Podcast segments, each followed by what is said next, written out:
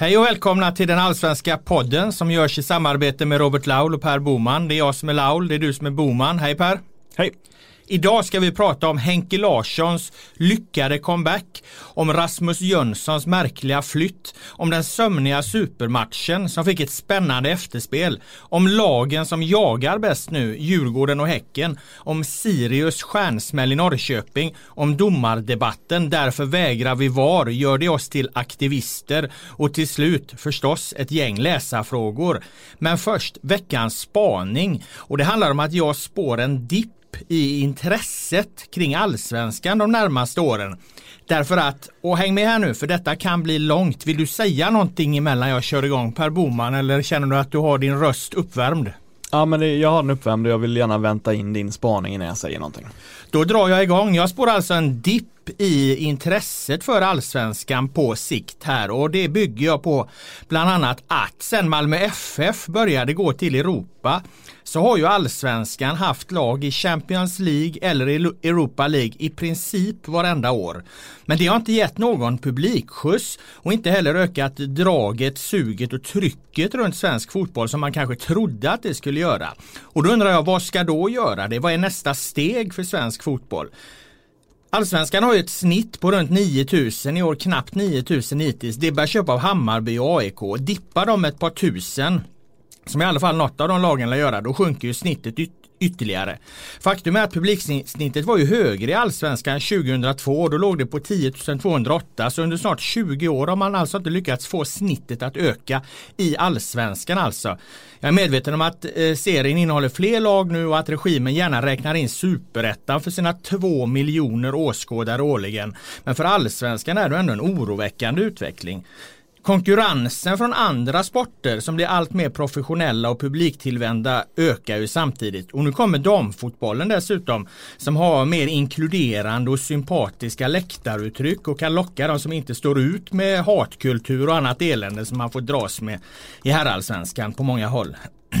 Sen det emellanåt oresonliga motståndet mot polisens villkorstrappa både från supportrar, klubbar och SEF ger ju en bild av en rörelse som inte vill följa demokratiskt beslutade lagar.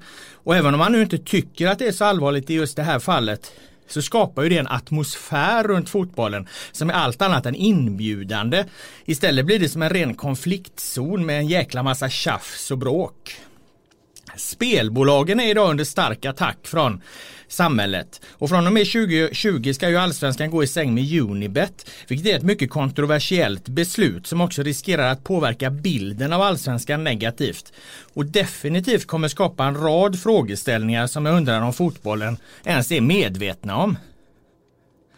Sen har allsvenskan stora strategiska problem som man inte lyckats lösa. Vi är en extrem konstgräsliga som på sikt bromsar oss från att växa som attraktiv miljö för riktigt bra fotbollsspelare.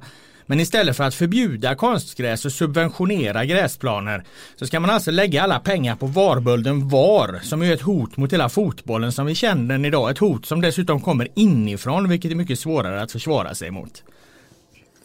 TV-bolaget Discovery har betalat enorma pengar för tv-rätten från 2020 fram till 2025 som de nu måste hämta in genom att försöka sälja produkten vidare på olika sätt. Jag har svårt att se hur de ska få ihop affären om intresset samtidigt rasar. De får nog slita väldigt hårt för det. Vem vill betala svindyra summor för något som eh, riskerar att bli allt mindre attraktivt? Det kan också bli ett stort problem som spiller över på fotbollen. Sen har svensk fotboll inte nått nya publikgrupper på ett bestående sätt senaste tiden. Fotbollen växer ju egentligen så det knakar internationellt. Damfotbollen växer, e-sporten växer. Men intresset för allsvenskan har i praktiken stått still de tre senaste åren. Och nu är jag alltså rädd att det sjunker. För att Dessutom så har vi ju sportmediernas ekonomiska situation som blir allt mer ansträngd. Allsvenskan har levt oerhört mycket på att vi inom media har bevakat serien oproportionerligt mycket. Det har helt enkelt varit kommersiellt viktigt för oss. Men när läsningen viker och intresset minskar så kommer vi att dirigeras om för att fokusera på annat. Vem vet nästa år kanske den här podden handlar om damallsvenskan och inte mig emot. Det är väl inte fel om damfotbollen får en ökad bevakning. Per Boman. Jaha, det var en eh, utläggning utläggning. Eh, ordentlig utläggning. Eh, Jag har olika saker att säga om det här. Eh, det första jag tänkte på, som inte kommer, då kommer jag inte bemöta det i sak först, för det var en annan grej jag tänkte på, för jag eh, jag har inget Twitterkonto men jag har ett sånt där hemligt litet konto så jag ser ju när det, liksom, när det bränner till ibland och jag såg ju att det var många som var väldigt, många av de mest engagerade allsvenska supporterna som var väldigt kritiska till det du skrev där om att eh, Eh, ja, det kanske är ett minskat intresse för allsvenskan. Eh, och när jag liksom funderade på varför folk blir så arga just på dig i det här sammanhanget så, så tänker jag att en del allsvenska supportrar betraktar dig som en renegat. Eh, en renegat, det är någon som sviker sina ideal då och byter sida i en konflikt då. Ehm, eh, jag är väldigt intresserad av arbetarrörelsens historia och i början på 1900-talet så var det liksom betydande delar av den som var eh, så att säga fortfarande revolutionär i Sverige. Det fanns både reformister och revolutionärer och sådär. Och det fanns otaliga unga socialister då som skrev dikter, böcker och artiklar eh, om sitt hat mot överheten och mot klassamhället och sådär. Eh, och många av dem var älskade. Men efter ett par år så var det ett fåtal av dem som, som bytte sida då. Ehm, de eh, blev istället borgerliga eh, kulturarbetare och skrev böcker då för den andra sidan eh, och för att bli accepterade av sin nya omgivning. När de hade bytt åsikter så började de skriva böcker, så kallad renegatlitteratur om sin tidiga arbetarrörelsen där de demoniserade den och förlöjligade den. Eh, då blev såklart besvikelsen hos de gamla kamraterna enorm Eh, Eh, och de här överlöparna blev sådär allmänt avskydda och brännmärktes som renegater. Det är en ganska lång utvikning, men jag tänker att somliga allsvenska supportrar ser dig på samma sätt nu då. Eh, för 6-7 år sedan så aviserade du ju öppet att allsvenskan var din serie som du var verkligen beredd att kämpa för, att, som du stod upp för. Eh, och jag vet att du inte blev allsvenskans förkämpa av några så här karriärstaktiska skäl, utan för att du helt enkelt tyckte att den internationella fotbollen på ett onödigt sätt fick breda ut sig på svensk fotbolls bekostnad. Eh, jag vill verkligen betona att det var liksom ingen karism med det utan det var bara att du såg väl den, att det var så helt enkelt. Och jag vet att väldigt många också uppskattade det ställningstagandet som du gjorde då på den tiden. Många var väldigt glada över det. Eh, för du hade allsvenskans rygg då eh, och det gav ju dig Även för det inte var det som var tanken så gav ju det dig också en väldigt lojal läskrets kring just allsvenskan. Det var ju många som tyckte att det var härligt att ha en person som försvarade allsvenskan i vått och torrt och sådär. Eh, sedan dess har ju den typen av ställningstaganden att man då älskar, älskar allsvenskan eller försvarar allsvenskan, det har ju blivit kutym liksom och någonting som väldigt många som jobbar med allsvenskan eh, eh, kör med liksom den typen av ställningstaganden. Men jag tror att just eftersom du gjorde det för, tidigt och liksom eh, ändå pratade en del om det. Jag tror ändå att många känner sig då kanske svikna när du, när du, när du i deras ögon sänker inom situationstecken allsvenskan. Eh, och då inte längre har en lika rosenkindad syn på, på serien. Eh, och jag vet att du aldrig villkorligt lovat att stötta allsvenskan. Det har du aldrig gjort såklart, utan det var ju ett kritiskt stöd på något sätt. Ehm, men jag tänker att du straffas hårdare eftersom du då tidigare var en självutnämnd förkämpe för serien. Och med det sagt, jag tycker inte att du är en så kallad renegat då eftersom jag tycker inte att du sviker några gamla ideal. Jag tycker tvärtom att en människa med genuint intresse för något och omtanke för en serie, de klappar ju inte bara med oss utan de har också kritisk, en kritisk bedömning av seriens för och nackdelar. Eh, och en renegat som byter sida gör ju också det för att vinna personliga fördelar. Och du tar ju däremot ett beslut som i vissa kretsar gör det extremt impopulär, impopulär och nästan då avskydd. Så kudos för det vill jag bara säga, eh, om den här långa utvikningen. Vad känner du om det? Eh, nej men det, det stämmer säkert. Eh, jag tänker att eh, då, för, förr så, eller saker förändras ju. Allsvenskan är ju idag en, en maktfaktor på ett helt annat sätt med sina egna språkrör. Då när jag tog ställning för allsvenskan, eh, mycket gentemot att det var ett extremt tryck på den eh, eh, internationella fotbollen, att vi skulle lägga fokus på det. Jag menar vi hade ju flera personer utsända på Champions League-matcher. Alltså det var ju helt otroligt, det är ju inte i närheten av det idag längre. Det var ett enormt eh, fokus på den internationella internationella fotbollen och, och, och jag tyckte någonstans att det var, var ett underifrån perspektiv att slåss för allsvenskan som dessutom var en väldigt splittrad rörelse. Eh, idag tycker jag att allsvenskan utgör en, en sorts makt. De har sina egna språkrör och de, de ska då ses eh, ur ett annat perspektiv från mig som journalist. Eh, jag ägnar mig alls inte längre åt att just ta den kampen för dels har de sina egna språkrör, dels är de idag en makt utan idag försöker jag kritiskt granska dem eh, så ofta jag kan och så ofta det går. Och jag ser ingen som helst konflikt i det när du är journalist. Eh, det är ju precis vad du ska göra. Så att för mig är det helt odramatiskt. Det här är, det är helt okontroversiellt. Det blir lite liv om det från Eh, på Twitter från eh, den här sekten då som jag kallar den. Eh, som är väldigt, väldigt eh, mycket taggarna utåt och, och, och, ska försvara till varje pris. Men ja, de ut, det vet ju jag, det ser vi ju på läsarsiffror, så de utgör ju liksom en minoritet av alla som är intresserade av eh, allsvenskan. Så att det går liksom inte att hänga upp sig på eh, enbart vad de tycker. Så om jag ska vända mig emot något i, i ditt resonemang så är det att du lägger alldeles för stor vikt vid vad en förvisso väldigt engagerad klick tycker. Det finns väldigt, väldigt många fler som är intresserade av fotbollsallsvenskan och de har inte den här synen. Nej, men den invändningen kan jag köpa.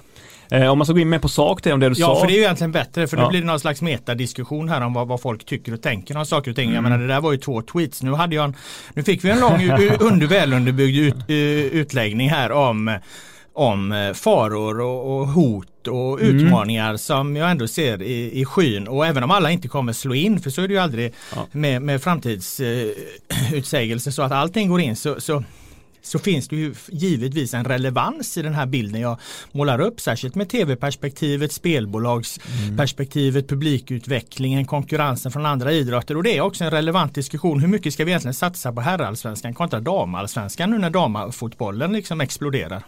Ja, men man kan börja det med damallsvenskan och herrallsvenskan. På samma sätt som jag inte tycker att man ska subventionera her herrallsvensk bevakning så tror jag heller att man inte ska subventionera damallsvensk bevakning. Det har gjorts det ibland på damallsvenskan för, förr i tiden framförallt och, och det gav ju inget så säga, bestående eh, behov hos läsarna att vi, skulle, att vi skulle följa det med om jag förstår saken rätt. Ja, men det är ju eh. alltid prioriteringar. Det var ju samma som inledde det här samtalet med den här diskussionen. Det var ett jävla mm. fokus på den internationella fotbollen. Mm. Jag sa Fan, vi måste satsa på, på uh, vår inhemska herrfotboll här nu för att det finns mm. ett, ett, ett bubblande intresse här. Det, det borde vi fokusera på. Nu finns det ett bubblande intresse. Nu har mediebevakningen tror jag för landslaget ökat med 45 procent här. Mm. Uh, och, och, det finns ett bubblande intresse för, för damfotboll.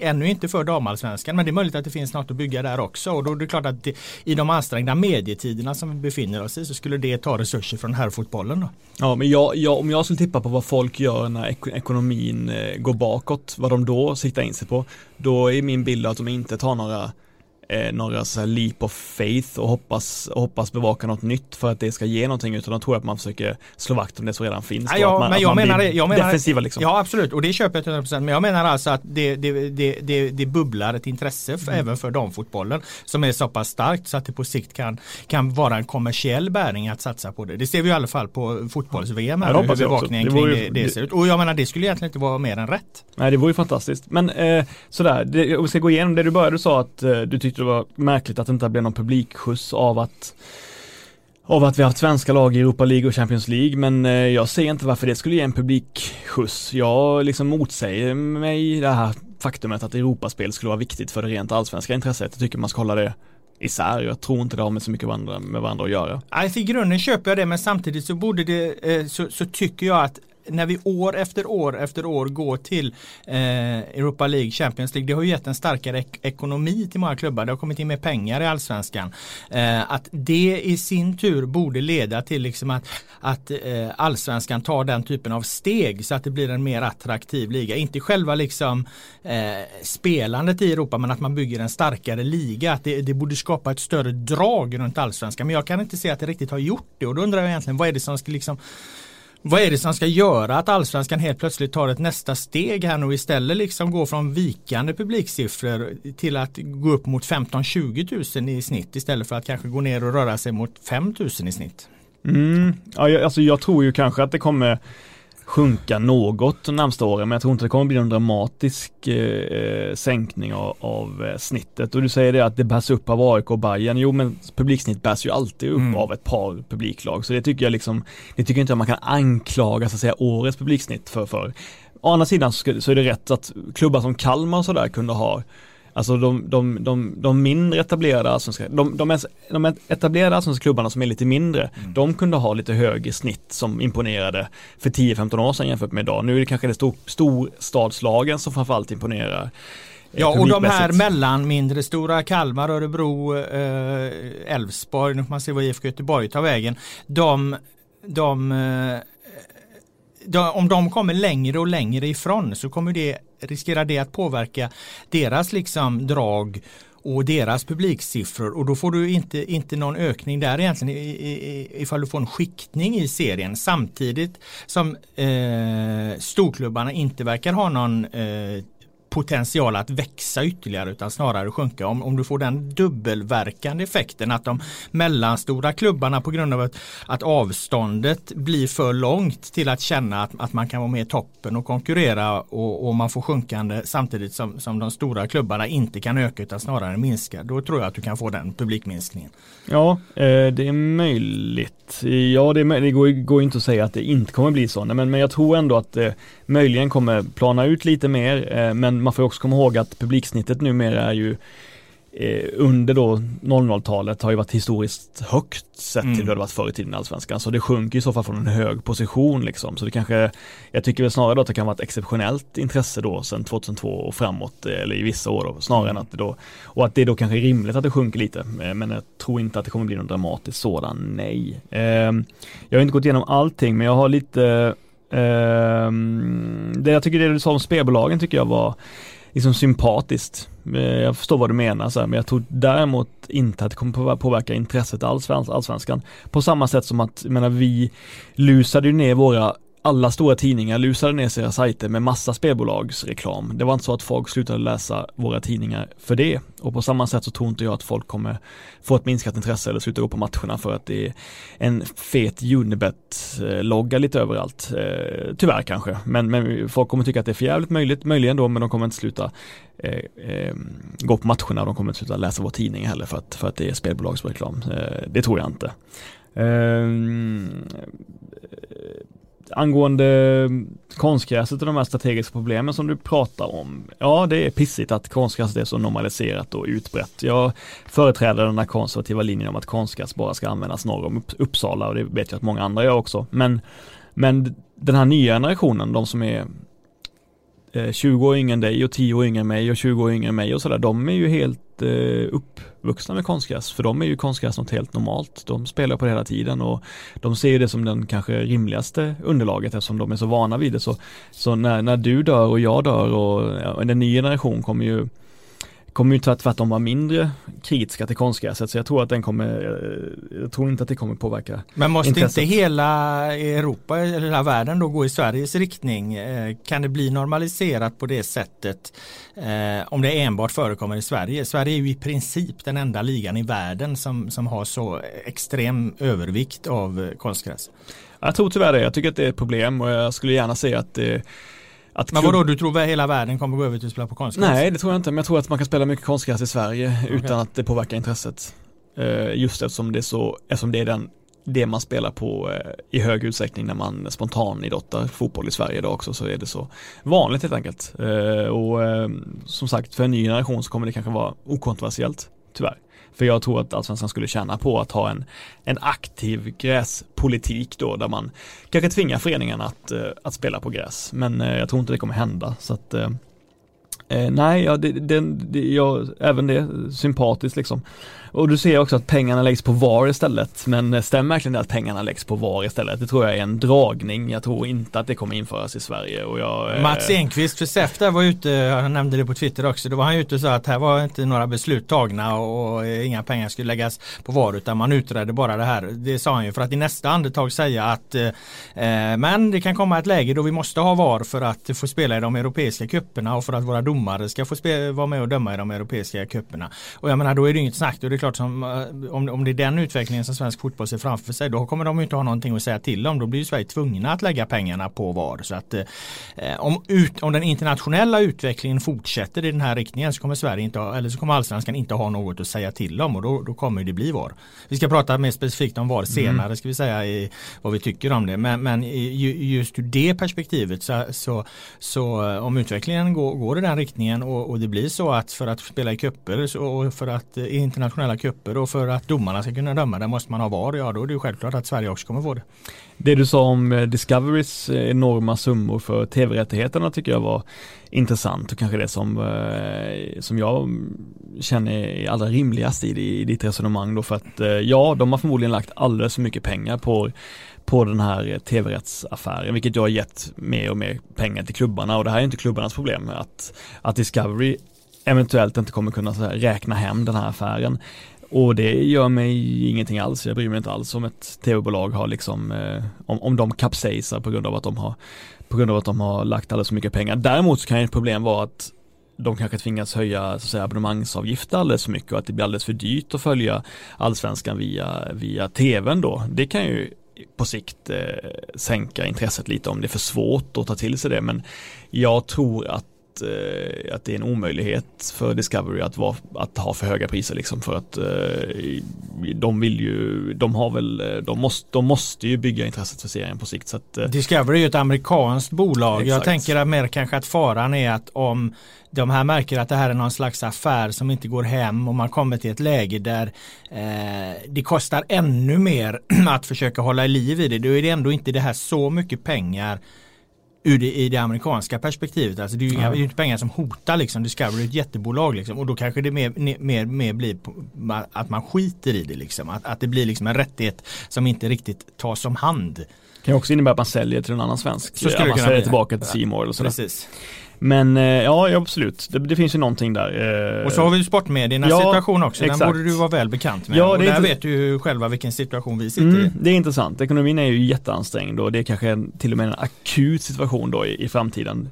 Det är därför vi på Sportbladet till exempel låser in mycket av vårt material kring allsvenskan. Ja, och du vet ju också att vi har bevakat allsvenskan oproportionerligt mycket mycket skulle man nästan kunna säga i förhållande till andra idrotter om man ska se idrotten ur någon slags eh, eh, rättvis balansperspektiv. Allsvenskan får ju väldigt mycket uppmärksamhet eh, kontra var den befinner sig kvalitativt. Liksom. Det är en liga som är ganska lågt eh, rankad. Eh, och, och, och, jag menar det hänger ju givetvis inte ihop utan vi, vi, vi gör ju därför vi vet att det finns, eller i alla fall har funnits ett intresse i grunden. Men den där dagen det där inte liksom är kommersiellt gångbart längre då kommer det från våra överordnade inte finnas några eh, skäl att värna allsvenskan utan då kommer, det kommer, den kommer ju bara svepas undan i så fall om man kommer till det läget. Jag ser, det finns ju ingen nostalgi, cheferna är inte nostalgiska på det sättet. Exakt, men jag ser, jag ser inte det minskade intresset kring eh, allsvenskan i våra lässtatistik faktiskt. Jag säger inte det i alla fall. Eh, och, men däremot om det blir en minskad bevakning så beror det i första hand på medierna, mediernas ekonomi snarare än det redan minskade intresset för serien. Alltså det, är, det börjar hos medierna snarare än att det börjar hos serien skulle jag säga. Jag skulle säga att det är, jo jag tycker att man kan se statistiskt en, en nedgång men eh, vad man definitivt kan se är att det är ju liksom ingen, det är ingen framtidsbransch. Det är ingenting som rusar uppåt. Det är inte så att intresset blir större och större och större för allsvenskan i, i rasande takt. Utan jag skulle säga att en, en, eh, bedömning utan att ha eh, i detalj gått igenom det här så skulle jag säga att den är, den är svagt sluttande neråt än kraftigt stigande uppåt. Ja men det är möjligt. Det är möjligt. Jag tror att det är för tidigt att säga helt enkelt. Eh, men sen var det, det var något annat du sa, du sa också om stämningen. Eh, att du kände att den var inte så inkluderande alltid och att det var en del eh, så att säga osymp ja, osympatiska läktaruttryck och sådär tyckte ja. du. Men och, det, och visst, det finns ju inslag av det men i det stora hela så upplever jag att det finns en oerhörd lojalitet bland de allsvenska supporterna mot sin läktare och mot sin klubb och att eh, den stora majoriteten är väldigt, tror jag, är väldigt nöjda med stämningen på allsvenska arenor så att eh, där tror jag att du är en minoritet. Bra. Eh, det var väl ett bra sätt att gå igenom var allsvenskan står. Eh, nu när vi har tagit den här diskussionen, vi har eh, stött och blött argumenten. Finns det, tycker du, någon som kan säga att det är fel att ta upp eh, allsvenskan ur det här perspektivet? Är det inte precis så här man ska liksom eh, behandla någonting man bevakar? Jo, absolut. Jag tycker det är en självklarhet och jag tycker att det vore väldigt slätstruket om, om man låtsades som att alla satt i samma båt och vi gör det här tillsammans och så vidare. Det är ju inte, det är inte din uppgift som journalist att, att ta den rollen. Eh, men däremot som jag sa tidigare så kan ju folk ha fått den felaktiga uppfattningen att du var en sån stark förkämpe för allsvenskan så att du inte skulle ta upp kritiska saker.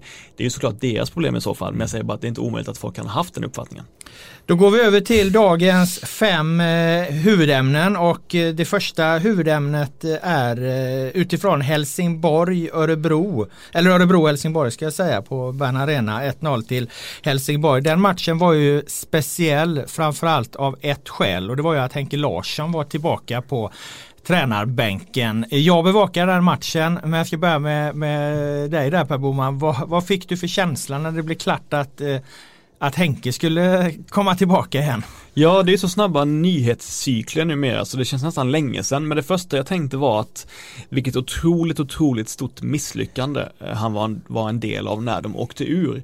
Jag säger så här, det här är det låter kanske så här makabert, det låter ju som en hemsk sak att säga, men konflikt, eller så här, attacken från huliganerna på Olympia, det, det, det, förstå mig rätt, räddade nästan Henke eh, i det sammanhanget. För jag tycker att Henke gjorde ett så pass dåligt jobb som tränare det året. Det snackades mycket om att, eh, att hans trupp var sådär jävla dålig, men det var den inte. Hans trupp höll alldeles utmärkt nedre mittenklass i allsvenskan det året och jag tycker att han fick ut väldigt lite av den. Så jag tycker att han var Eh, han gjorde ett väldigt dåligt jobb som tränare för Helsingborg det året eh, och jag tycker inte att det kanske svartade ner hans CV på det sättet som kanske borde ha gjort.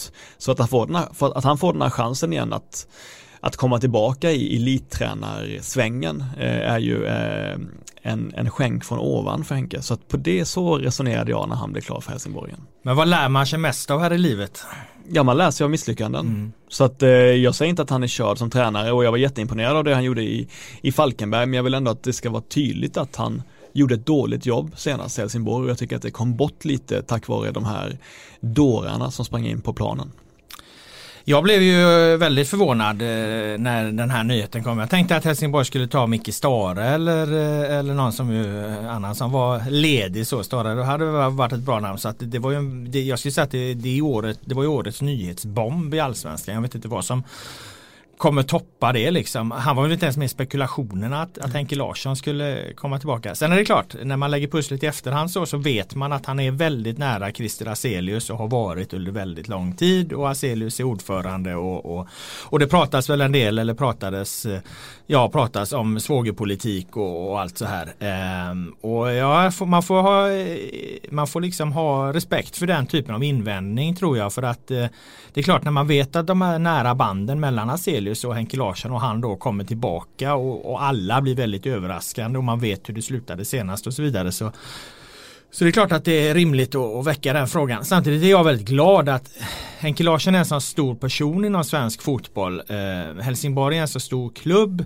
Eh, de är så nära, jag menar Jordan, hans son har spelat där, han, han, han har varit där både som spelare och tränare, Henke är så nära förknippad med det, så det är så fruktansvärt sorgligt mm.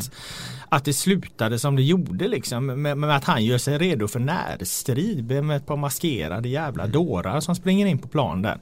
Eh, det var så oerhört ledsamt att det blev så, så att jag när jag hade liksom tänkt på det några sekunder så var jag väldigt glad för jag, jag kände att okej okay, nu kan det här få ett annat slut. Nu kan det här få ett bättre slut och det, det, det kommer ju av allt att döma få ett mycket bättre slut. Det kan ju knappast, det kan ju knappast gå sämre än vad det gjorde 2016. Ja, men det tycker jag var ett väldigt fint inspel och jag håller med om att eh, just för, för eftermälet eller vad man ska säga så är det här eh, väldigt bra att det här, att det här, att han kommer tillbaka. Ja, och eh, utifrån då den första matchen där mot Örebro som sagt så var det intressant för att han får ju inga som helst eh, välkommen tillbaka hälsningar eller någonting vad jag förstår av den tillresta eh, Helsingborgsklacken utan det är ju, han, han får ju någonstans från även bredare supporterhåll ett ganska svalt eh, bemötande.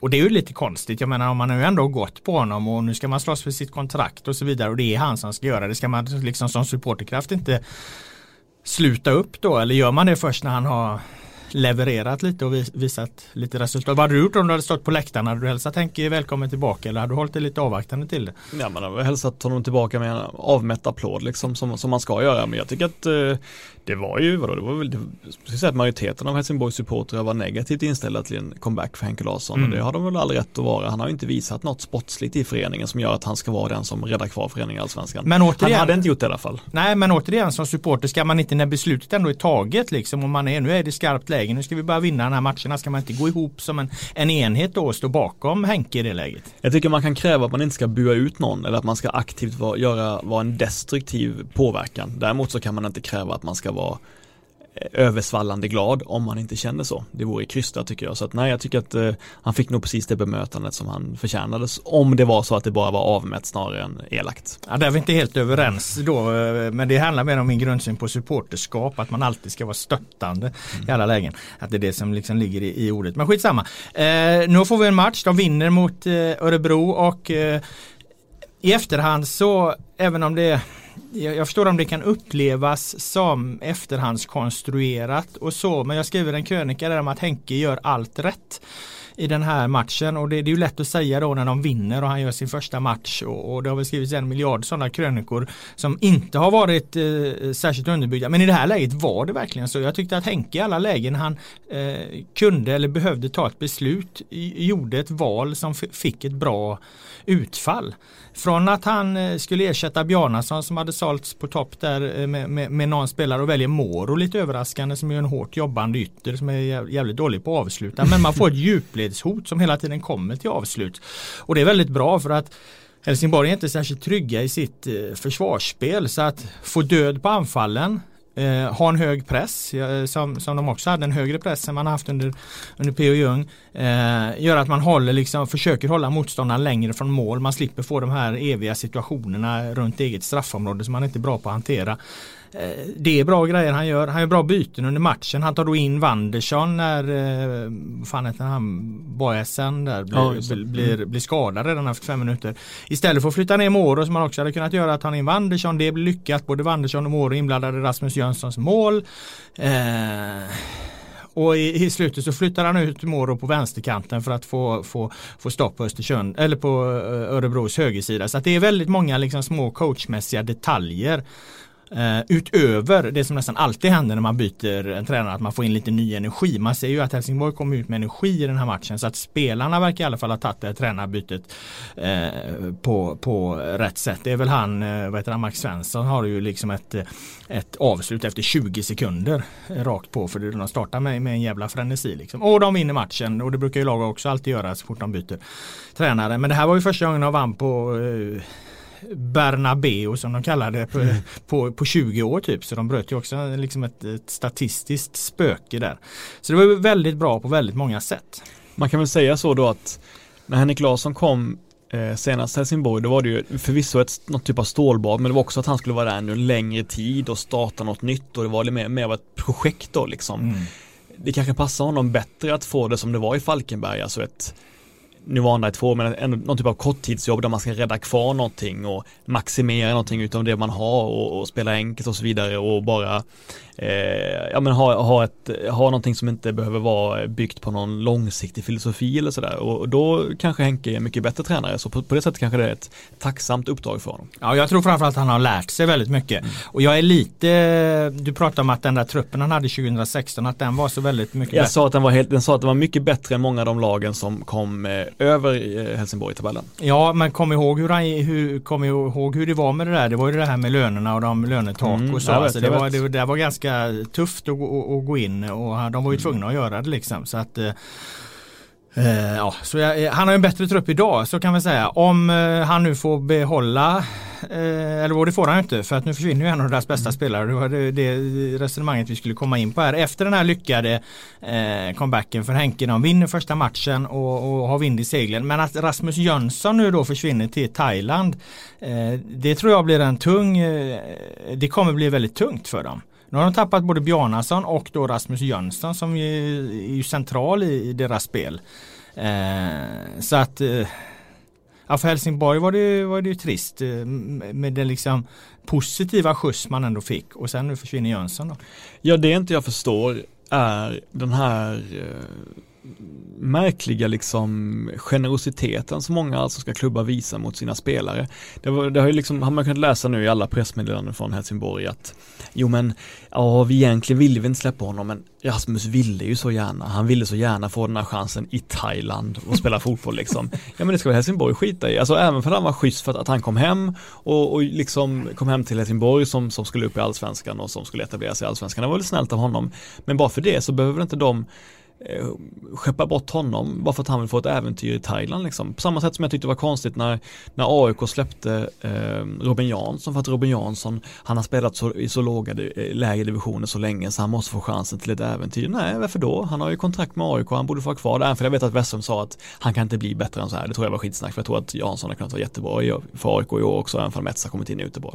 Men jag menar bara överlag så har jag problem med den här att man liksom ska vara, att man ska ha någon slags, eh, att man ska vara schyssta mot spelarna på det sättet. Vad tycker du? Jag tycker att det finns två lägen på det. Eh, det är väldigt viktigt för en klubb när det gäller unga mm. spelare mm. att eh, visa att du kan bygga dem, släppa iväg dem så att du skapar liksom en, en aura och, och en bild av att det här är en klubb som satsar på sina unga spelare. Det här är en klubb som också låter sina unga spelare få testa sina vingar och Lex så vidare. Elfsborg under många år. Ja exakt. Mm. Så att det, det, är klart att man kan inte vara kategorisk tror jag och säga mm. så att de alltid ska vara eh, stenhårda.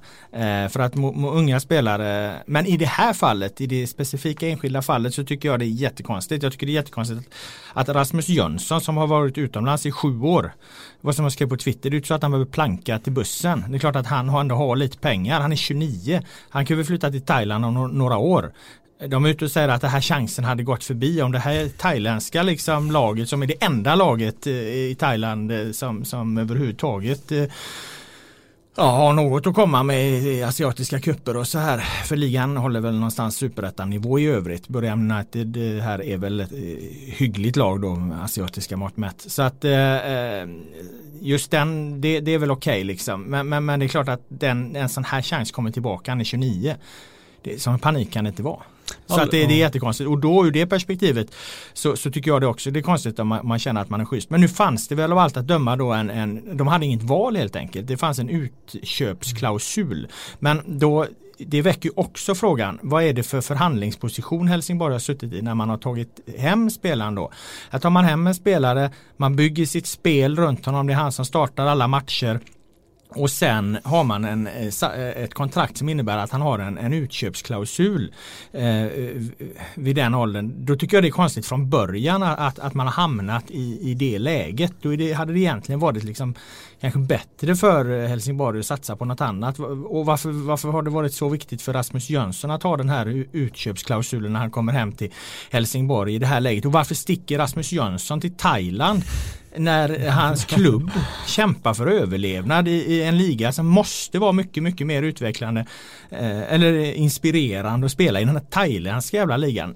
Jag tycker att det, här, det, det, det, det osar sig girighet och, och dålig professionalism. Girighet från Jönssons sida och dålig ja, dåligt skött från början helt enkelt av Helsingborg. Ja men nu har de också släppt eh, islänningen och de har släppt Jönsson så ska de då liksom, ska de variera med så här, ja med Mår och Max Svensson på topp resten av året. Jag tycker att de har många fina fördelar, de är väldigt snabba, de, har, de, är, de är bra djupled och mm. de är skickliga på, på det spelet men de är ju inga målskyttar någon av dem. Det kan ju bli, de kan ju åka ur på grund av detta liksom. Ja, det tror jag i och för sig inte de gör för att de andra lagen där nere, nu börjar mm. Falkenberg växla upp här. Men, eh, men, eh, och sen vet man ju inte då, det som kan göra att, att, att vi får checka upp hela det här eh, resonemanget med Rasmus Jönsson. Det är ändå att man har fått pengar i en storleksordning som gör att man vet att man kan lägga dem och man har ganska lång, bra, långt kommet förhandling med, med, med en ersättare liksom. Så att eh, det kommer in en ny spelare med, med liknande kvaliteter. Men då är det återigen, då ska den spelas in och man vet inte exakt hur den kommer funka och så vidare och så vidare. Så att eh, eh än så länge så står jag fast vid att det är girigt och dåligt skött. Mm. Mom deserves the best, and there's no better place to shop for Mother's Day than Whole Foods Market. They're your destination for unbeatable savings, from premium gifts to show-stopping flowers and irresistible desserts. Start by saving 33% with Prime on all body care and candles. Then get a 15-stem bunch of tulips for just $9.99 each with Prime. Round out Mom's menu with festive rosé, irresistible berry chantilly cake, and more special treats. Come celebrate Mother's Day at Whole Foods Market. Det om Helsingborg. Eh, vi går vidare till andra eh, punkten på vårt program här eh, och det handlar om den sömniga stormatchen. Det som framförallt AIK byggde upp som årets, inte bara årets utan seriens största liksom möte AIK Malmö FF. Det blev 0-0 och det var en ganska sömnig tillställning när vi summerar den. Vi kan väl börja bara där. Är det årets eller är det liksom seriens största match? Nej men det är intressant för att jag, jag upplever ändå att det finns en, på ett sätt som jag tycker är ganska fint egentligen, en väldig respekt för Malmö bland AIK-are liksom. Att man men med all rätt ser upp till vissa grejer som Malmö har lyckats med liksom. Det är ju rimligt. Och jag känner också att AIK verkligen vill vara den klubben som är Malmös utmanare och därför så upplever jag att från framförallt från AIK-håll att den här matchen byggs upp som då den stora matchen i svensk fotboll. Jag tror även att Malmö-supportrar tycker att den är viktig och intressant och att man gärna mäter sig med AIK men man kan inte ge den samma dignitet då så att det är ju ett sätt för, så att säga, för AIK att haka upp sig på, på Malmös nivå då liksom. Mm.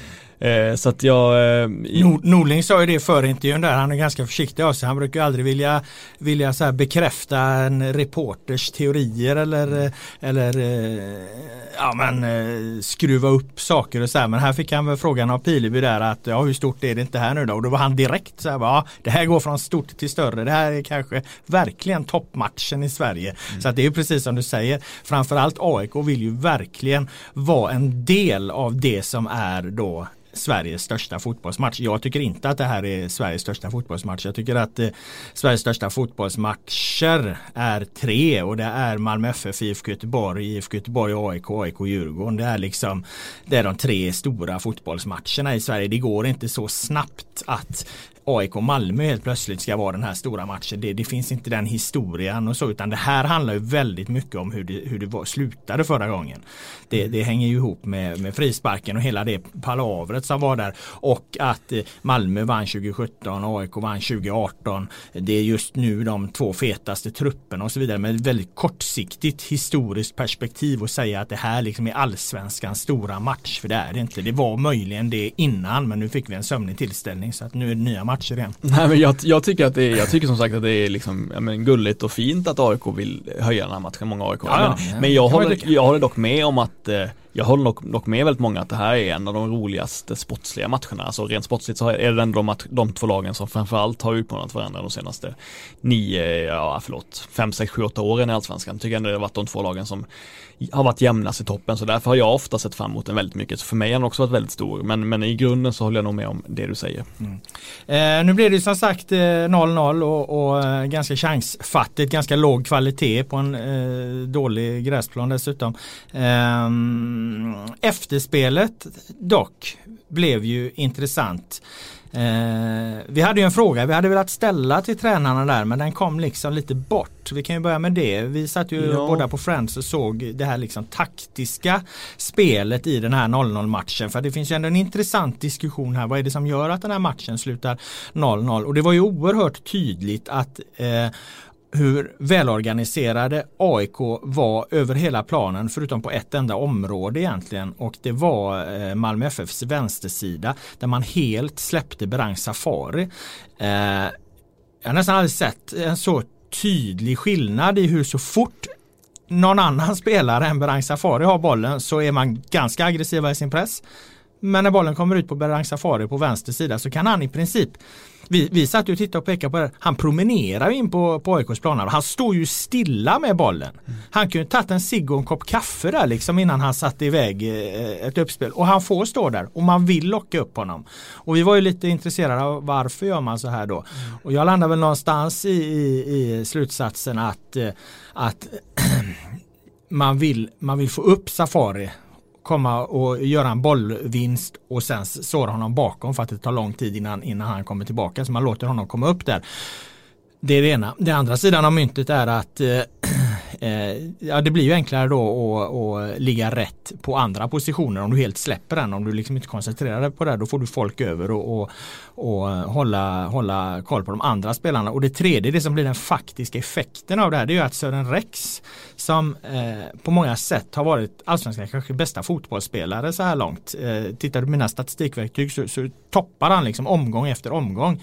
Han är totalt osynlig i den här matchen.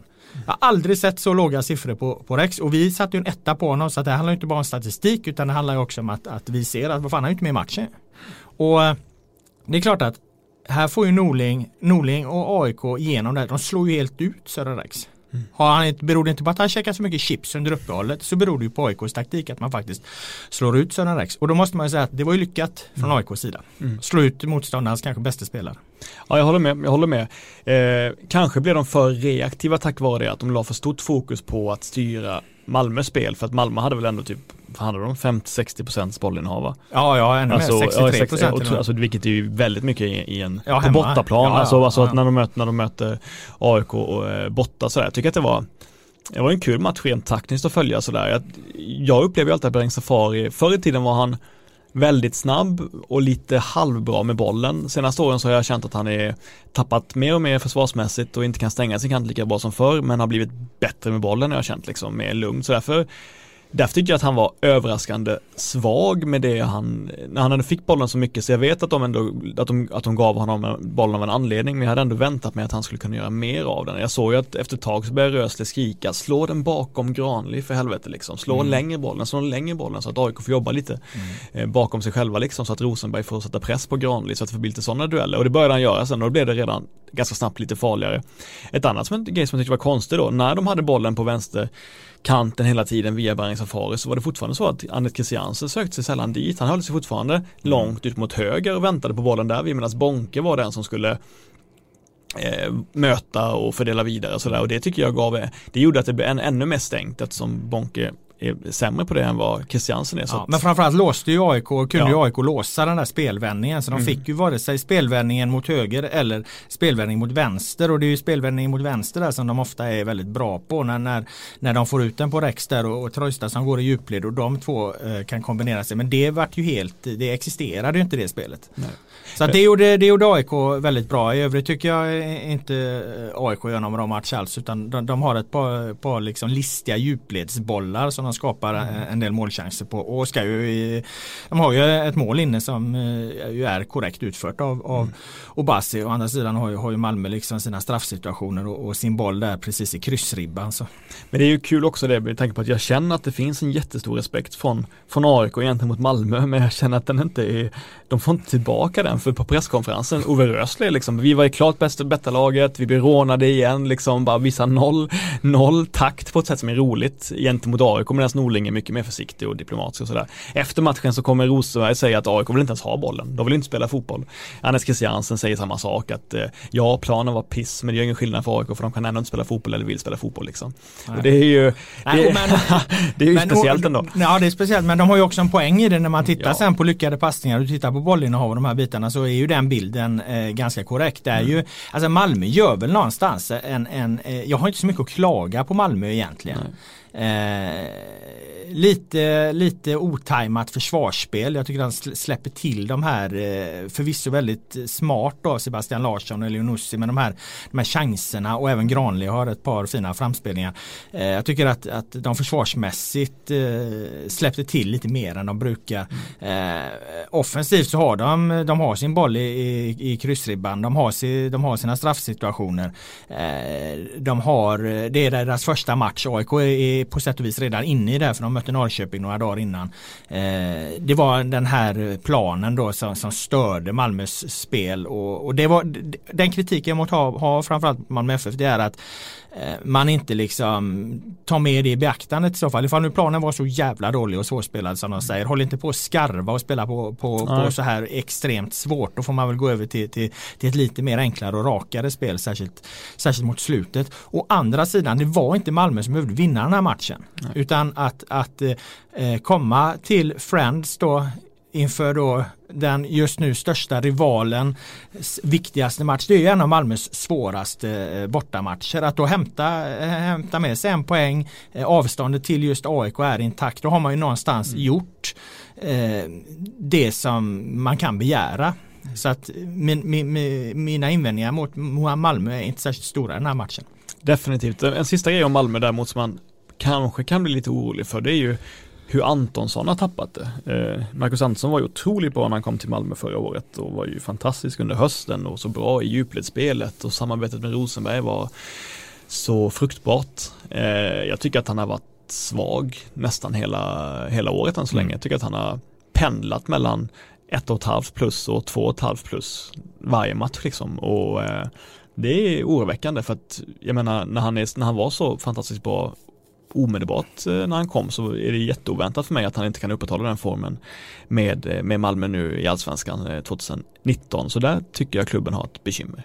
Ja, eh, eftersom det är en forward och eftersom det som du säger det är väldigt stora skillnader så är det inte liksom kan det inte här vara att det han är Antonsson kanske är en ganska mentalt eh, påverkbar spelare så att när han är inne i det så är han väldigt mycket inne i det och nu har han inte kommit in i det och då är han väldigt långt från det. Det finns ju ett talande exempel, jag tror det är Christiansen som sätter en, en djupledsboll bakom Per Karlsson och mm. eh, han kan egentligen komma bättre till den bollen än vad han gör. Men han sträcker ut ett, ben liksom och, och, missar nedtagningen. Han har flera andra alternativ. Han kan gå på den bollen men han kommer liksom inte rätt till det. Det känns som en, en, en Antonsson i zonen där hade, hade kommit till ett avslut på, på den eh, frispelningen. För att eh, där tappar Per Karlsson gjorde en väldigt bra passning och, och, han kommer ganska bra i löpningen men han kommer inte rätt till bollen.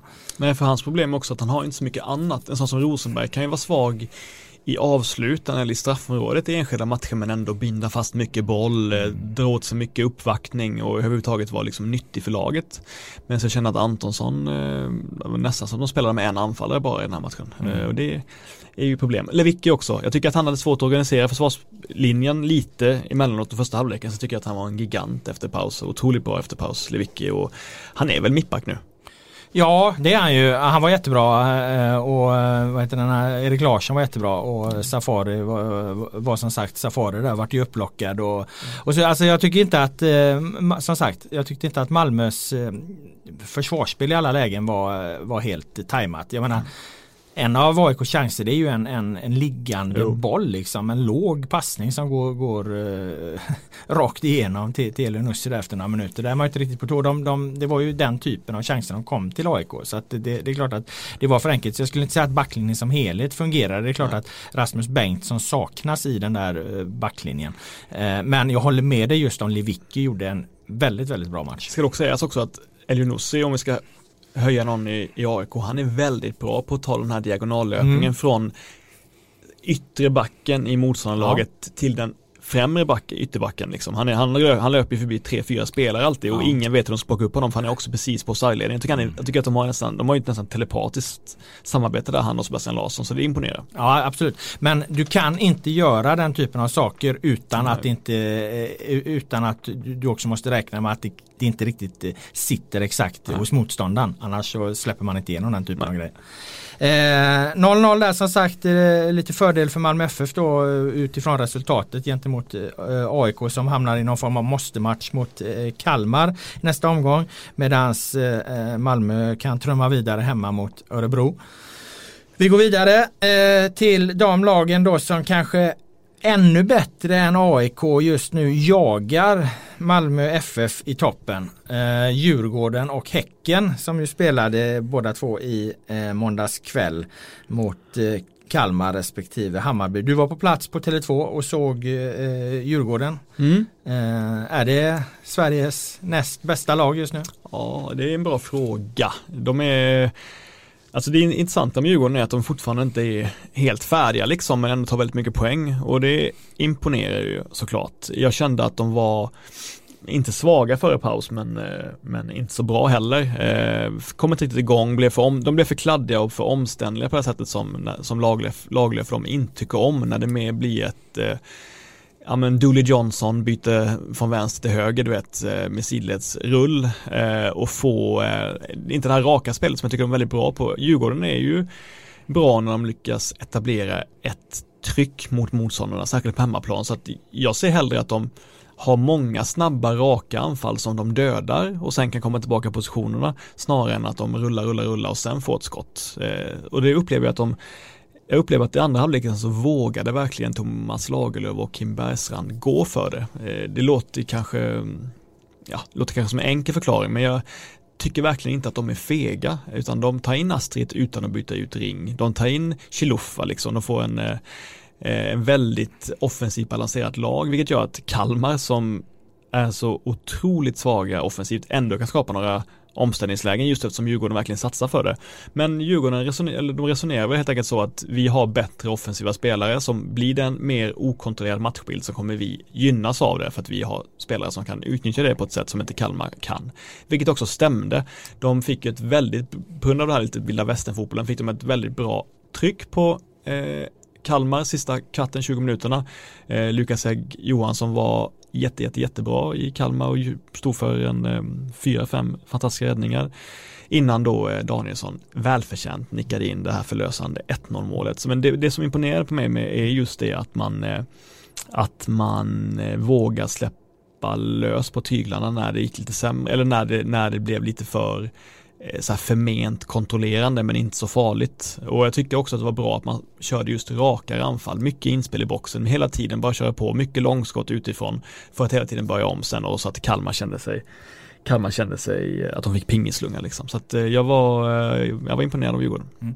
Jag känner kring Djurgården att de är ett väldigt noggrant fotbollslag. De, alltså de vinner de matcher där de är bättre än motståndaren. Mm. Sen har de ju, är det ju ett par lag i den här serien eh, som är bättre än Djurgården. Så är, så är det ju mm. bara. Att det, det, är snarare det det handlar om. Alltså de, de är ett väldigt noggrant fotbollslag så att alla, alla matcher där de på pappret egentligen ska vinna, ja då gör de också det. Då, då, till slut liksom så, så som mot Kalmar så trycker de in bollen i, i 87 mittback eh, kommer upp, gör målet. Eh, alltså det, där är de väldigt noggranna, det är de väldigt eh, bra på det har, har liksom i, i en, en serie då, då andra lag inte har varit lika liksom noggranna och i alla matcher i, gjort det som förväntas av dem. Det har tagit Djurgården till en dags dato väldigt hög placering. Eh, men det syns i de matcher eh, när de möter lagen som egentligen har ett bättre eh, spelarmaterial position för position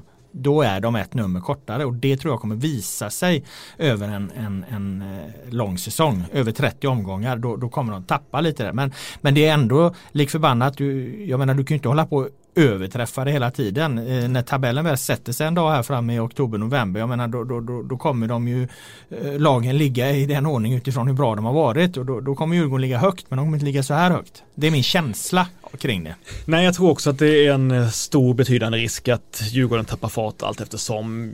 Framförallt för att de har få offensiva alternativ som är riktigt, riktigt Men, men då menar jag alltså inte, jag menar inte då att de överpresterar. Om, mm, så att alla förstår. Jag menar, nej, men jag menar att de hela tiden gör eh, gör sitt max liksom. Sen ja. finns det vissa lag som de, som de inte kommer kunna slå för de har inte Nej. lika bra lag. Nej, men... men, men de gör hela tiden sitt max och det kommer de nog fortsätta göra och det kommer de ta dem till den här fjärde, i sämsta fall femte, kanske till och med en tredje plats. Ja men det som är bra är att de hade den här perioden under sommaren med fem, sex matcher som de kunde vinna och skulle vinna om de skulle vara med i toppen och de har mm. vunnit allihopa. Ja, det är, det är precis det jag menar. Det är precis det jag menar.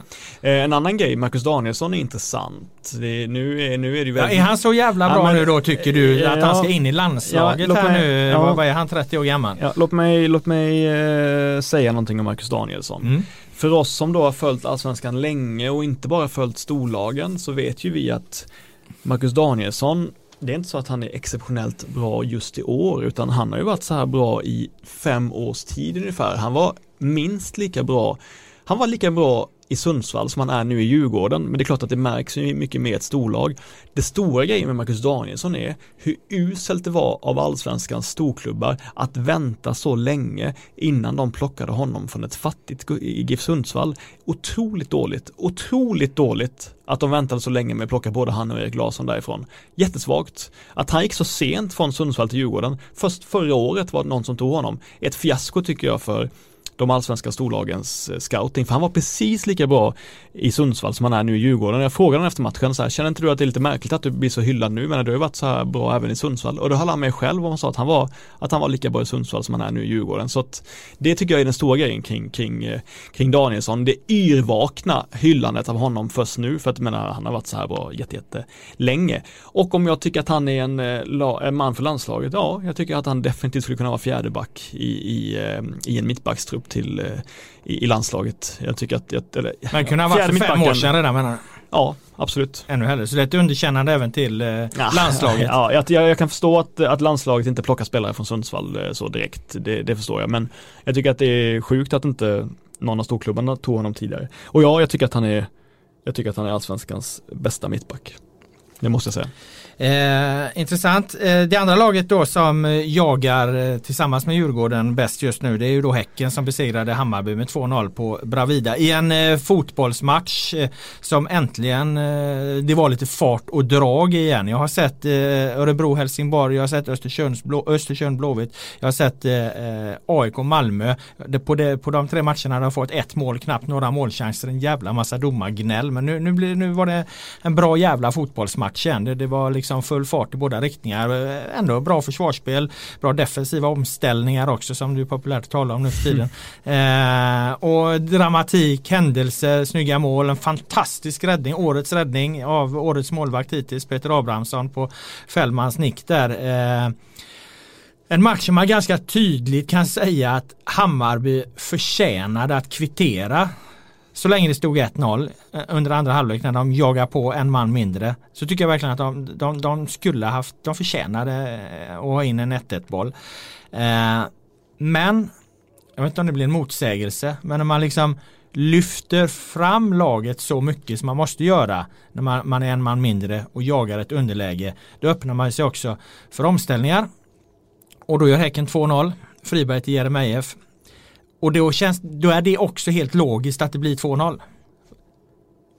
Förstår du? Man får hålla två tankar. Man kan säga mm. att det skulle både varit rimligt att det hade blivit 1-1. Ja, ja. För det hade blivit en annan match efter mm. det.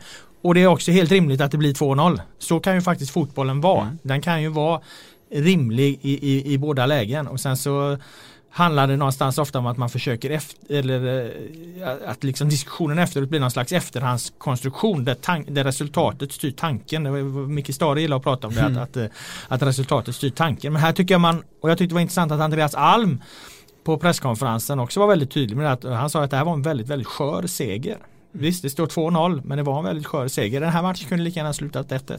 Mm.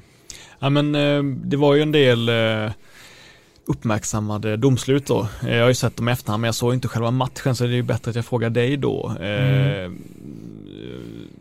Ska vi gå igenom dem en, ett och ett eller? Ja, alltså vi kan ta det. Vi ska ha ju ett, eh, en punkt här sen lite senare som kommer, mm. domarsegment. Vi kan ta det lite mer. Men jag kan säga då, nej men alltså det är framförallt två situationer som är uppmärksammade. Det är inför Häckens första mål och det är, en utvis och det är utvisningen som kommer efteråt där.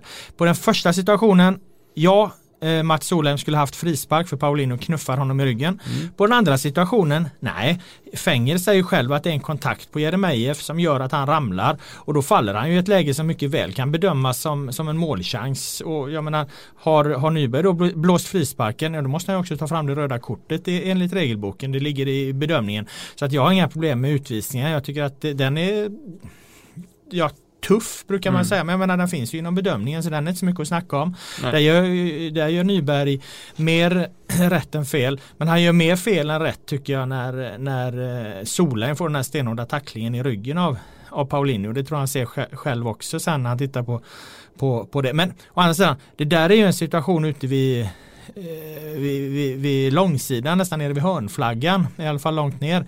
Eh, och sen får det en väldigt stor konsekvens. Mm. Så det är också, det är också så här, är det där ett jättestort misstag? Jag, jag vet inte, jag tycker inte det liksom. Det, jag, jag, jag, blir inte upprörd över, över, över de situationerna. Jag förstår att det blir diskussioner och jag tycker man kan förhålla sig till dem. Vad det, gjorde han rätt eller gjorde han fel? Men det är liksom, det är, det är liksom ingen det var inte grejen med den här matchen. Alltså vi kan inte, ska vi hålla på och diskutera sådana där grejer liksom, då får vi diskutera varenda jävla situation och det, det, det går liksom inte. Det här var en bra fotbollsmatch. Eh, det var en häftig fotbollsmatch. Bayern gör en bra match. Häcken är väldigt bra så länge liksom de är lika många på planen. Så är det ett, ett böljande spel och där har Häcken lite bättre och lite längre anfall. Erik Friberg är fantastisk. Mm. Han är riktigt bra i den här matchen. Nasir Mohammed är, är jättebra. Om Friberg är väldigt bra med sin fot så är Nasir Mohammed väldigt bra på att transportera boll. En enorm rörlighet har han. Så att, eh, och så har vi den listiga Jeremejeff längst fram. Vänta nu. Och, eh, vilket gör att det här är två skickliga fotbollslag. Men Häcken är lite bättre även när de är 11 mot 11. Men du att Mohammed kan skjuta också. Jag menar han har ju i många, många år, fan sedan 2013 typ, varit en en väldigt, väldigt rapp ytter som har skapat fler lägen per match men som har varit oduglig på att förvalta dem. Han hade någon säsong i början, där gjorde en del poäng, minns jag, en del mål, men jag tycker att han är generellt sett är den som den som får ut minst av antalet lägen han har. Så därför var det kul att se honom smälla in ett skott. För jag tror aldrig jag sett honom. Det är ett bra skott också. Ja, det är alltså, lite, lite svårt och så trycker han ner, får, får ner den liksom distinkt eh, utan chans för uh, ja, Blasevic. Han är ju själva sinnebilden för en strumprullare. Eh, eh, Nasir Mohammed. Så det var ju kul att se att han har lite krut i dojan då också. Mm. Eh, nej men så, så med det sagt utifrån första halvleken eh, när de, så länge de är 11 mot 11 Mm. Eh, så, så, så, tycker jag ändå att där är Häcke, det, det, det, är en match som håller hög kvalitet. Det är, det är mycket bra kombinationer från, från båda lagen egentligen. Men, men, men, där är faktiskt Häcken lite bättre. Så att Häcken imponerar, även om det här nu då blev liksom det blev sönderryckt och det blev en, en lite annorlunda andra halvlek eftersom det blev så väldigt tydligt att Hammarby skulle jaga och, och, och Häcken försvara och, och, och på omställningar. Men, men, eh, en match med många ansikten då så, så, så, är häck, Häcken lite bättre så länge de är 11 mot 11. Därmed inte sagt att, för Häcken är väldigt bra tycker jag. Mm. Eh, vi pratar lite om, om har Häcken någon svag punkt. Det vill säga de har inga svaga punkter. De har en svag punkt och det är, det är Adam Anderssons försvarsspel skulle jag säga. De vill ju helst spela med Arkivo. Igår startade Arkivo för att de vet att de möter ett, eh, en riktigt bra motståndare. För han är defensivt mycket skickligare. Eh, men så går ju han sönder och då får de sätta in Adam Andersson som ju är en sån där ytterback eh, som man bländas av för han är väldigt bra eh, offensivt. Men, men, han går ju på en, en överstegsfint från Katja Niklic sida där så att han är ju fortfarande hämtat sig från den antagligen. En rätt svag positionsspelet också. Ja, ja så att det, där har du ju Häckens svaga punkt. Utöver det så har, har, har, de inte så många svaga punkter. De är ganska breda och så. Nu var ju Rasmus Lindgren och Yashin avstängda till exempel. De klarar ändå av till slut att vinna dem med 2-0. Eh, men jag tycker inte, ja. Ja men en grej om Bayern bara som jag vill ja. fråga dig. Det finns ju ett skäl till att det här inte är en katastrofförlust, eller hur?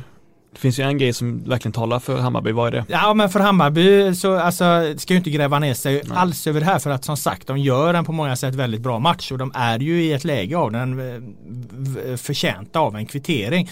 Dessutom har ju Bayern ett spelschema här nu. Alltså de, de möter ju nu, de, eh, vad fan blir det, de åtta närmaste matcherna så har de eh, de har alltså Falkenberg hemma här nu, sen har de Sundsvall borta, Elfsborg hemma, AFC borta, Kalmar borta, Helsingborg hemma, Sundsvall hemma, Falkenberg borta innan, innan de i den nionde matchen möter Norrköping borta och jag kommer inte begära att eh, Hammarby ska besegra IFK Norrköping på bortaplan men jag tycker, jag tycker nog fan man kan begära att de ska ta åtta raka. Mm. De ska ta 24 raka poäng här nu. Hur, hur stor De kommer ta 24, Hammarby kommer ta 24 raka poäng. Så är det. Nej, men, nu tar Hammarby 24 raka poäng. Du, du, har en poäng i, i, på det sättet att Hammarby kanske är, tillsammans med Malmö, det bästa laget i serien på att möta att spelmässigt dominera sämre lag. Eh, så jag tror absolut att Hammarby kommer kommer vara brutala i den här perioden. Och plocka tar de 24 poäng? Nej det gör de inte. Det gör de inte. Ja, säg att de tar 18. Är det godkänt? Det är väldigt godkänt. Tar de 24 så är de ju, då, de är nog fan med alltså. Ja, nu har vi satt lite press på dem. Nu ska vi se om Billborn levererar. Han gjorde det bra tycker jag Billborn när han, när han skulle hantera den här utvisningen på, på Fänger då. Han tar in Solheim in med Rodic som återigen är bra eh, som högerback. Eh, Kacaniklic flyttar över till högersidan. Djurdjic får ta lite mer ansvar för vänstersidan. Spelar 4-4-1. Men både Kacaniklic och Djurdjic växer ju klart i andra halvlek. Mm.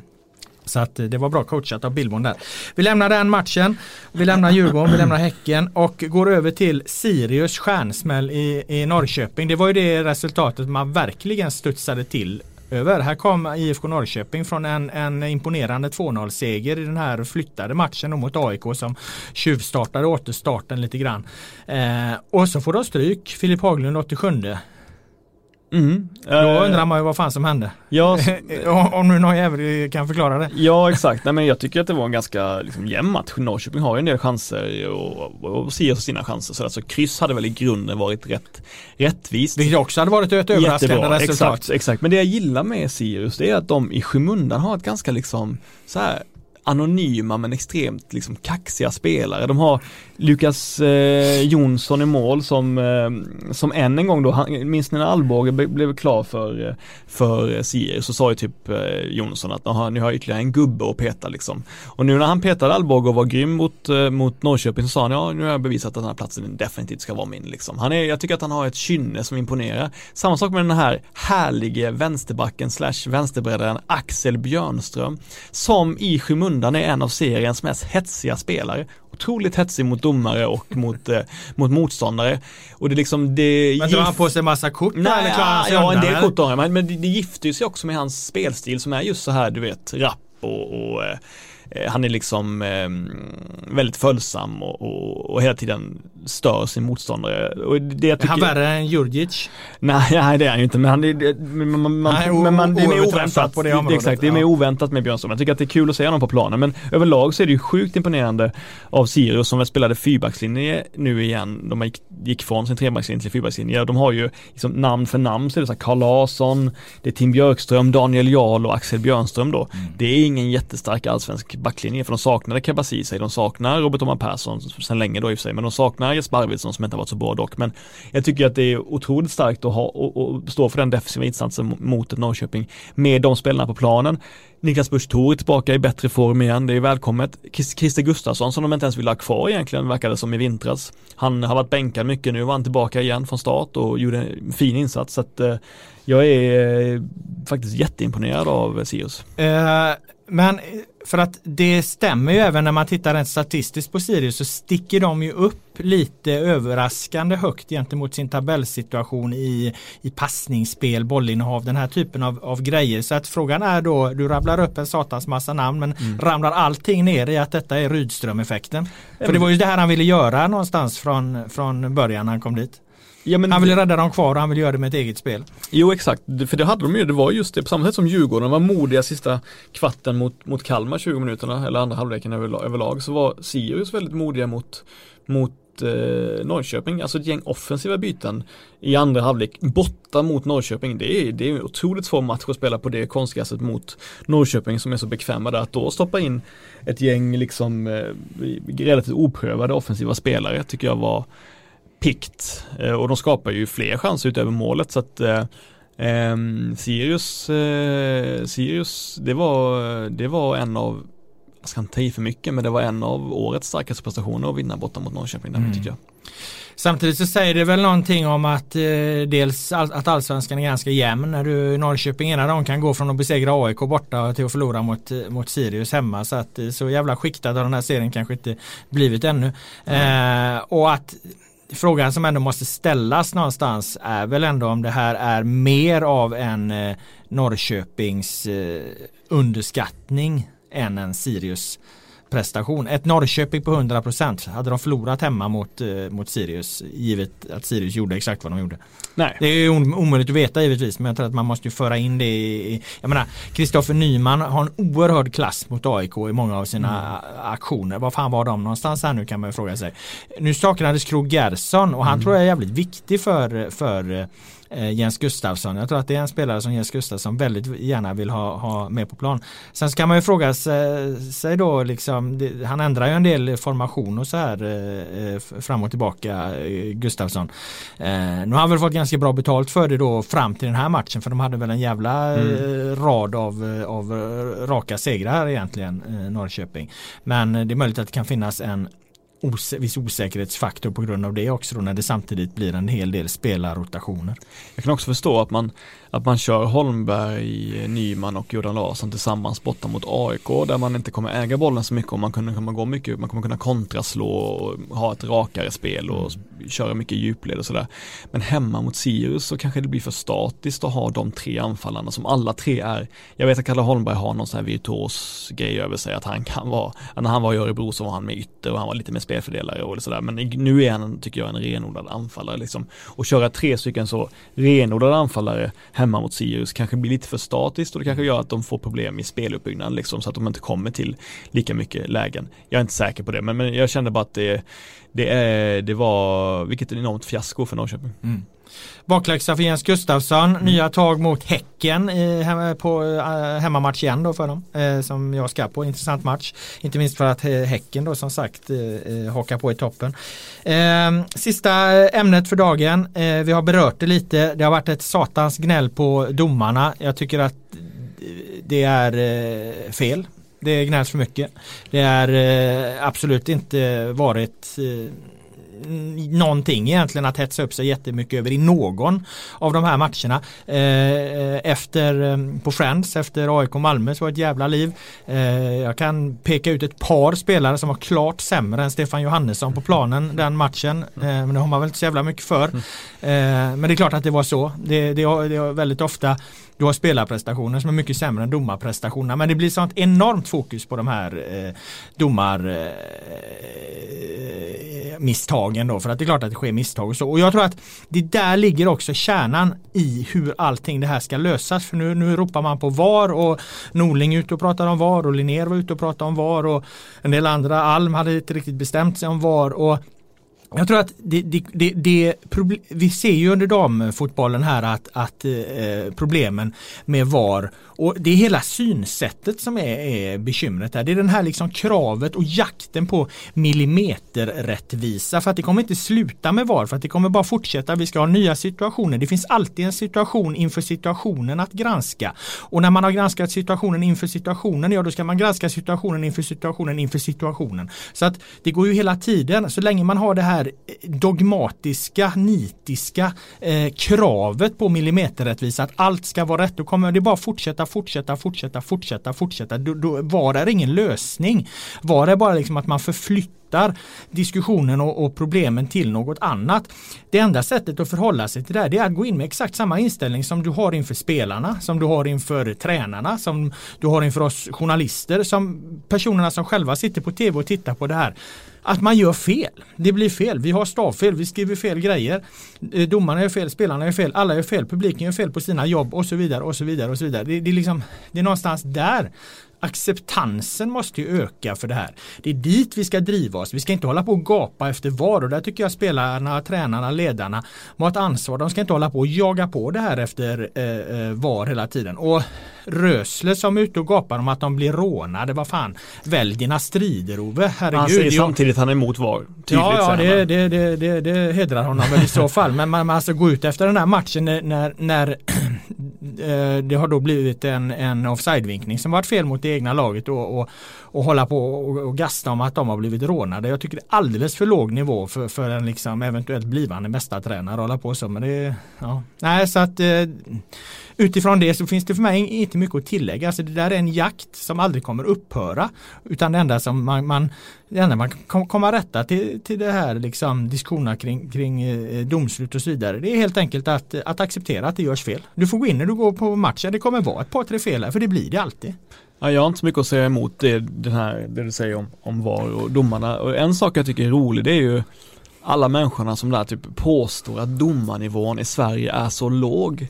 Då undrar jag liksom, vad jämför de det med? Har de en, har de en, liksom, har de en intellektuellt hederlig uppfattning om domarnivån i Bundesliga, Premier League, estniska ligan eller Serie A liksom? Har de någon koll på hur bra domarna är i de sammanhangen? Nej, men Nej, det är rena jag, jag, jag vet inte, för man säger ju samma sak i varje land, att ja, domarnivån är särskilt svag i just vårt land. Men jag måste säga att sett till hur aktivt förbundet har jobbat med en professionalisering av domarkåren. Man har gett dem proffslöner, man har gjort det heltid och man vet ju hur extremt ambitiösa alla de här individerna är. Så är jag total, alltså jag är helt säker på att Sverige har toppklass domare i Europa. Så jag, jag, jag, tror att vi har, jag tror att, jag tror att vi sätter, hur mycket pengar man har lagt på att fostra och utbilda och utveckla våra domare så tror jag att det är men topp 10-klass säkert i, i, Europa. Det är, inte, det är inget problem i alla fall. Och de som påstår att det är mycket sämre här än vad det är på andra ställen, jag tror inte man kan göra det jämförelse för jag tror, att man har, jag tror att ingen har den överblicken av domarkvaliteten överlag. Liksom. Nej men de som gör det påståendet, de är ju så dumma övrigt som de borde beläggas med munkavle liksom i alla sammanhang de någonsin uttalar sig. För att det är klart som fan att nivån är ju precis som du säger mycket högre än vad spelarkvaliteten är. Och därför är det också märkligt när då framförallt eh, spelare och ledare går, går, går ut och klagar under den här, jag vet inte hur många matcher som har spelats i årets allsvenska. Enligt mig finns det ett domslut att ifrågasätta och det är alla Kim när han lägger frispark på fel ställe. Det är det, det, är det enda domslutet som, som, som eh, bedömningsmässigt överhuvudtaget går att diskutera. Det är helt fel och man kunde uppenbarligen inte reglerna. Enligt Patrik Westerberg, heter han var kommentator mm. på Simor så är den här matchen, sa han helt plötsligt mitt under sändningen igår, så är det fortfarande så att det kan bli omspel i den matchen. Den här frågan är tydligen inte avgjord än. Eh, det, det vore kanske att ta i men, men eh, ja, så att där, där finns en befogad diskussion för att där blir det också viktigt att efteråt eh, eh, komma till en, en konsensus om att ah, men frisparken låg fel, den ska ligga där och det har man inte varit riktigt tydliga från förbundets sida bara för man då har försökt skydda sina domare. Så att, man behöver också en, en förhålla sig annorlunda i, kommunikationen eh, kring vilka situationer man verkligen ska diskutera. Där behövs det någon slags samsyn från spelare, ledare, förbund och så vidare så att man tar upp de situationer så det, där det verkligen är viktigt att man får en klarhet i vad är det som gäller.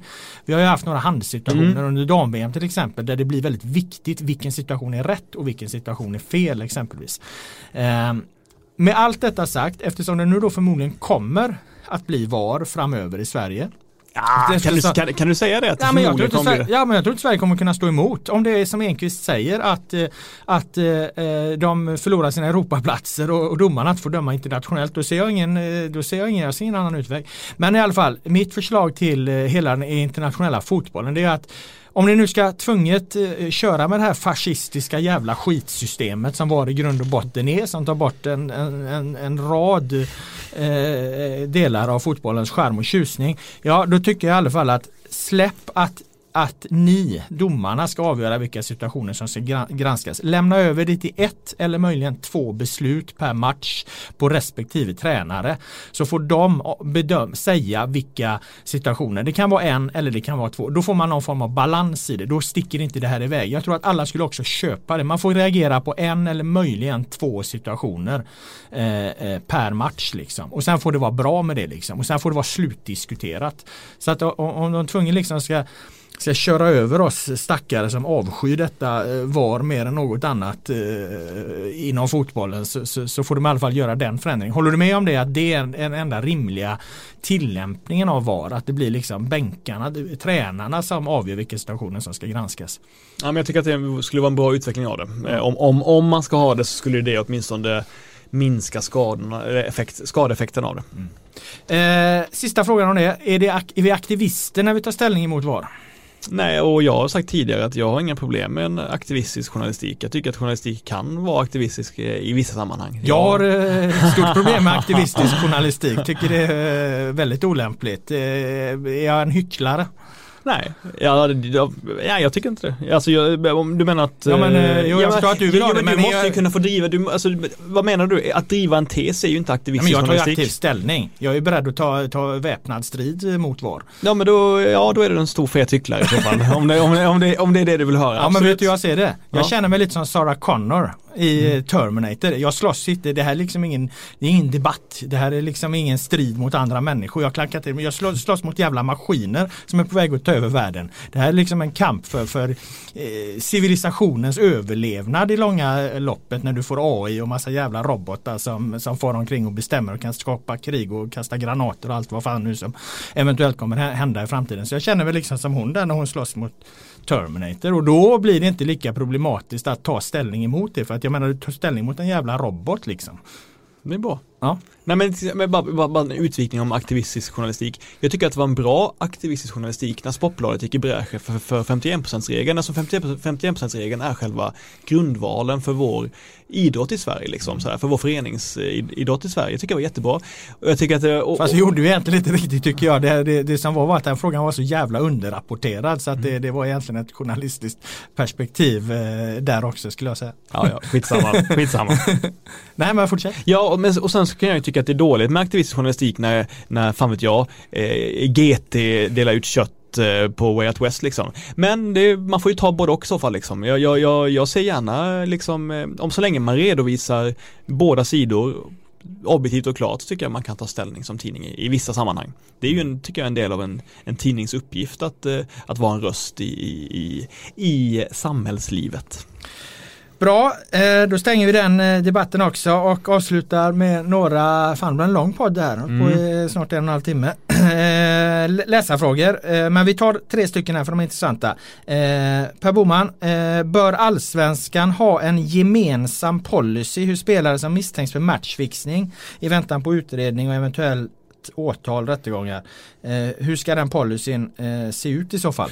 Ja, det är en svår fråga för att jag menar Säg att man vill störa ett motståndarlag så säger man, skickar man in ett tips om att ja men vi känner till att han spelar på den matchen eller att han är umgås med märkliga grupper. Om man då har en policy att den spelaren ska, alltid ska sättas i karantän så att inte han ska få spela fotboll, då har man ju ett problem, eller hur? Så att eh, jag fattar frågan eh, men jag vet inte vad man skulle ha för sanktioner. Eh, däremot så skulle man kunna ha att man har en eh, beredskapsgrupp som omedelbart eh, sätts in för samtal och för så att säga, interna utredningar mot spelaren och föreningen. Men jag tror inte man kan ha några sanktioner som gäller till exempel att man inte ska få spela fotboll eller sådär. Det tror inte jag heller. Jag tror att här måste liksom, det kan ju vara väldigt långa processer det här och det, det är i så fall det, av två onda ting får man ju välja det minst onda som det heter. Och, och då får man helt enkelt, då får den här spelaren helt enkelt ha den här processen hängande över sig och så, och så får han kunna spela fotbollen då för att eh, man måste ju ändå vara eh, vara oskyldig till bevi- motsatsen är bevisad som det heter. Ehm, och sen så någonstans så måste vi ju vi måste ju ta tillbaka det goda, eh, alltså att lita på varandra också. Eh, har du en spelare i ett lag som misstänks för det här så tycker jag man kan kräva att klubbledningen måste ta det på allvar. Måste ta, ta frågan, ärendet på allvar, en, en spelare som är under eh, pågående utredning av, från polisen. Men det måste också kunna finnas en situation där vi accepterar att ja, klubben har pratat med de här spelarna och de väljer faktiskt i det här läget att lita på honom. De litar på att, att eh, eh, det här stämmer inte eller de litar på att, eh, att han varit utsatt för hot eller att han själv har hamnat i en väldigt besvärlig situation eller vad det nu, nu kan vara. Sen är det möjligt, jag menar så är ju världen, ibland blir man lurad, ibland är det, glider någon på reglerna och så vidare men grunden måste ändå vara liksom att vi, vi, vi kan sätta oss ner och prata med varandra och, och faktiskt också då lita, med, lita på varandra och då får vi köpa att vi att, att det är någon som utnyttjar det i vissa lägen. Och då är inte det hela världen utan det viktiga är, är att vi kan också kan lita på varandra. Gott så. Eh, kommer Griffarna klara sig kvar undrar en läsare och jag kastar in en sidofråga. Var det ett nattfiasko den här nattmatchen eller?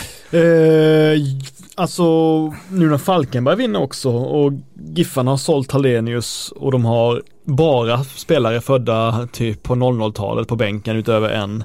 Fan, de har, de har nog allsvenskans tunnaste trupp. Och eh, Vilken det remarkabel ja, skillnad det ja, är jämfört med ja, fjolåret ja. så snabbt. Ja, det ser verkligen illa ut måste jag säga. Historien upprepar sig. De gjorde sin bästa placering här för vad är det, tio år sedan och åkte ur året efter. Nej, men man, jag, jag måste säga jag tillhör en av de som hade helt fel i den här frågan. Jag trodde ju att Ja, fast du sa att Giffarna skulle bli sämre. Ja, du var jävligt sämre. tydlig Jo, på, på det. Ja exakt, jag trodde de skulle bli sämre men inte så här mycket sämre. Nej, jag, nej, jag nej men det var ingen som trodde. Nej, de är ju, alltså. GIF Sundsvall är ju den stora negativa överraskningen i år är det. med, marginal. Ja, men liksom, sättet, att by de, far. sättet att de förlängde alla viktiga spelare och Ja. förstärkte med killar som Paconate. Det är obegripligt att det är så här dåligt.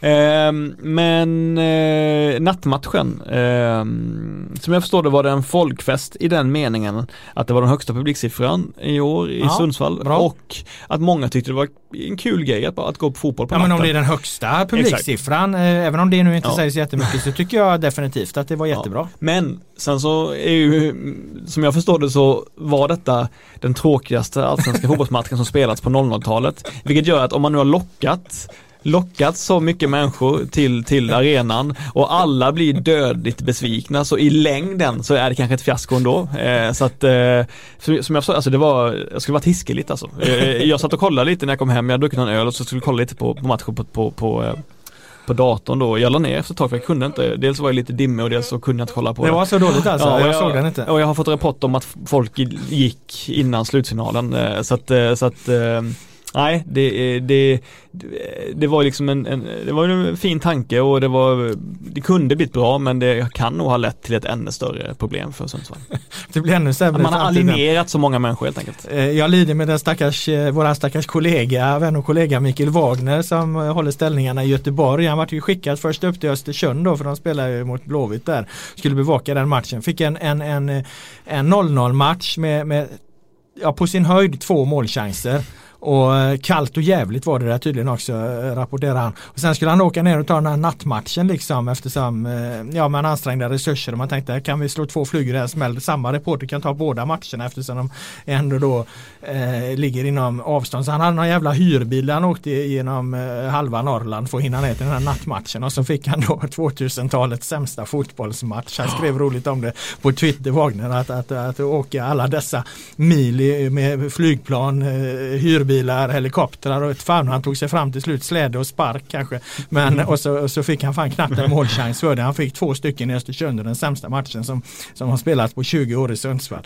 Så att ja, det var ingen lyckad utflykt för Wagner. Sista frågan eh, anspelar på det. Hur många procent av Blåvitts kreativitet försvinner när Packa Lagemyr kliver av planen? Och ja, vi fick väl ett svar på det eftersom han klev av mot Östersund och innan det så tyckte jag att Blåvitt eh, som de såg ut under våren att när de gör sina omställningar, när de eh, bryter på bra eh, ställen i planen, då är det ofta Lagemyr som får bollen som kan gå mot backlinjen som kan hitta en lösning där och det gör han ju väldigt bra och allt det där försvinner i, i, i princip. Jag tror inte de hade en riktig omställning efter han klev av planen och eftersom omställningar är väldigt väldigt mycket av eh, IFK Göteborgs spel och Pocka Lagemyr är så central för de här bollvinsterna, omställningarna och därigenom skapa chanser så skulle jag säga att 50 procent om man vill ha ett, ett exakt svar försvinner.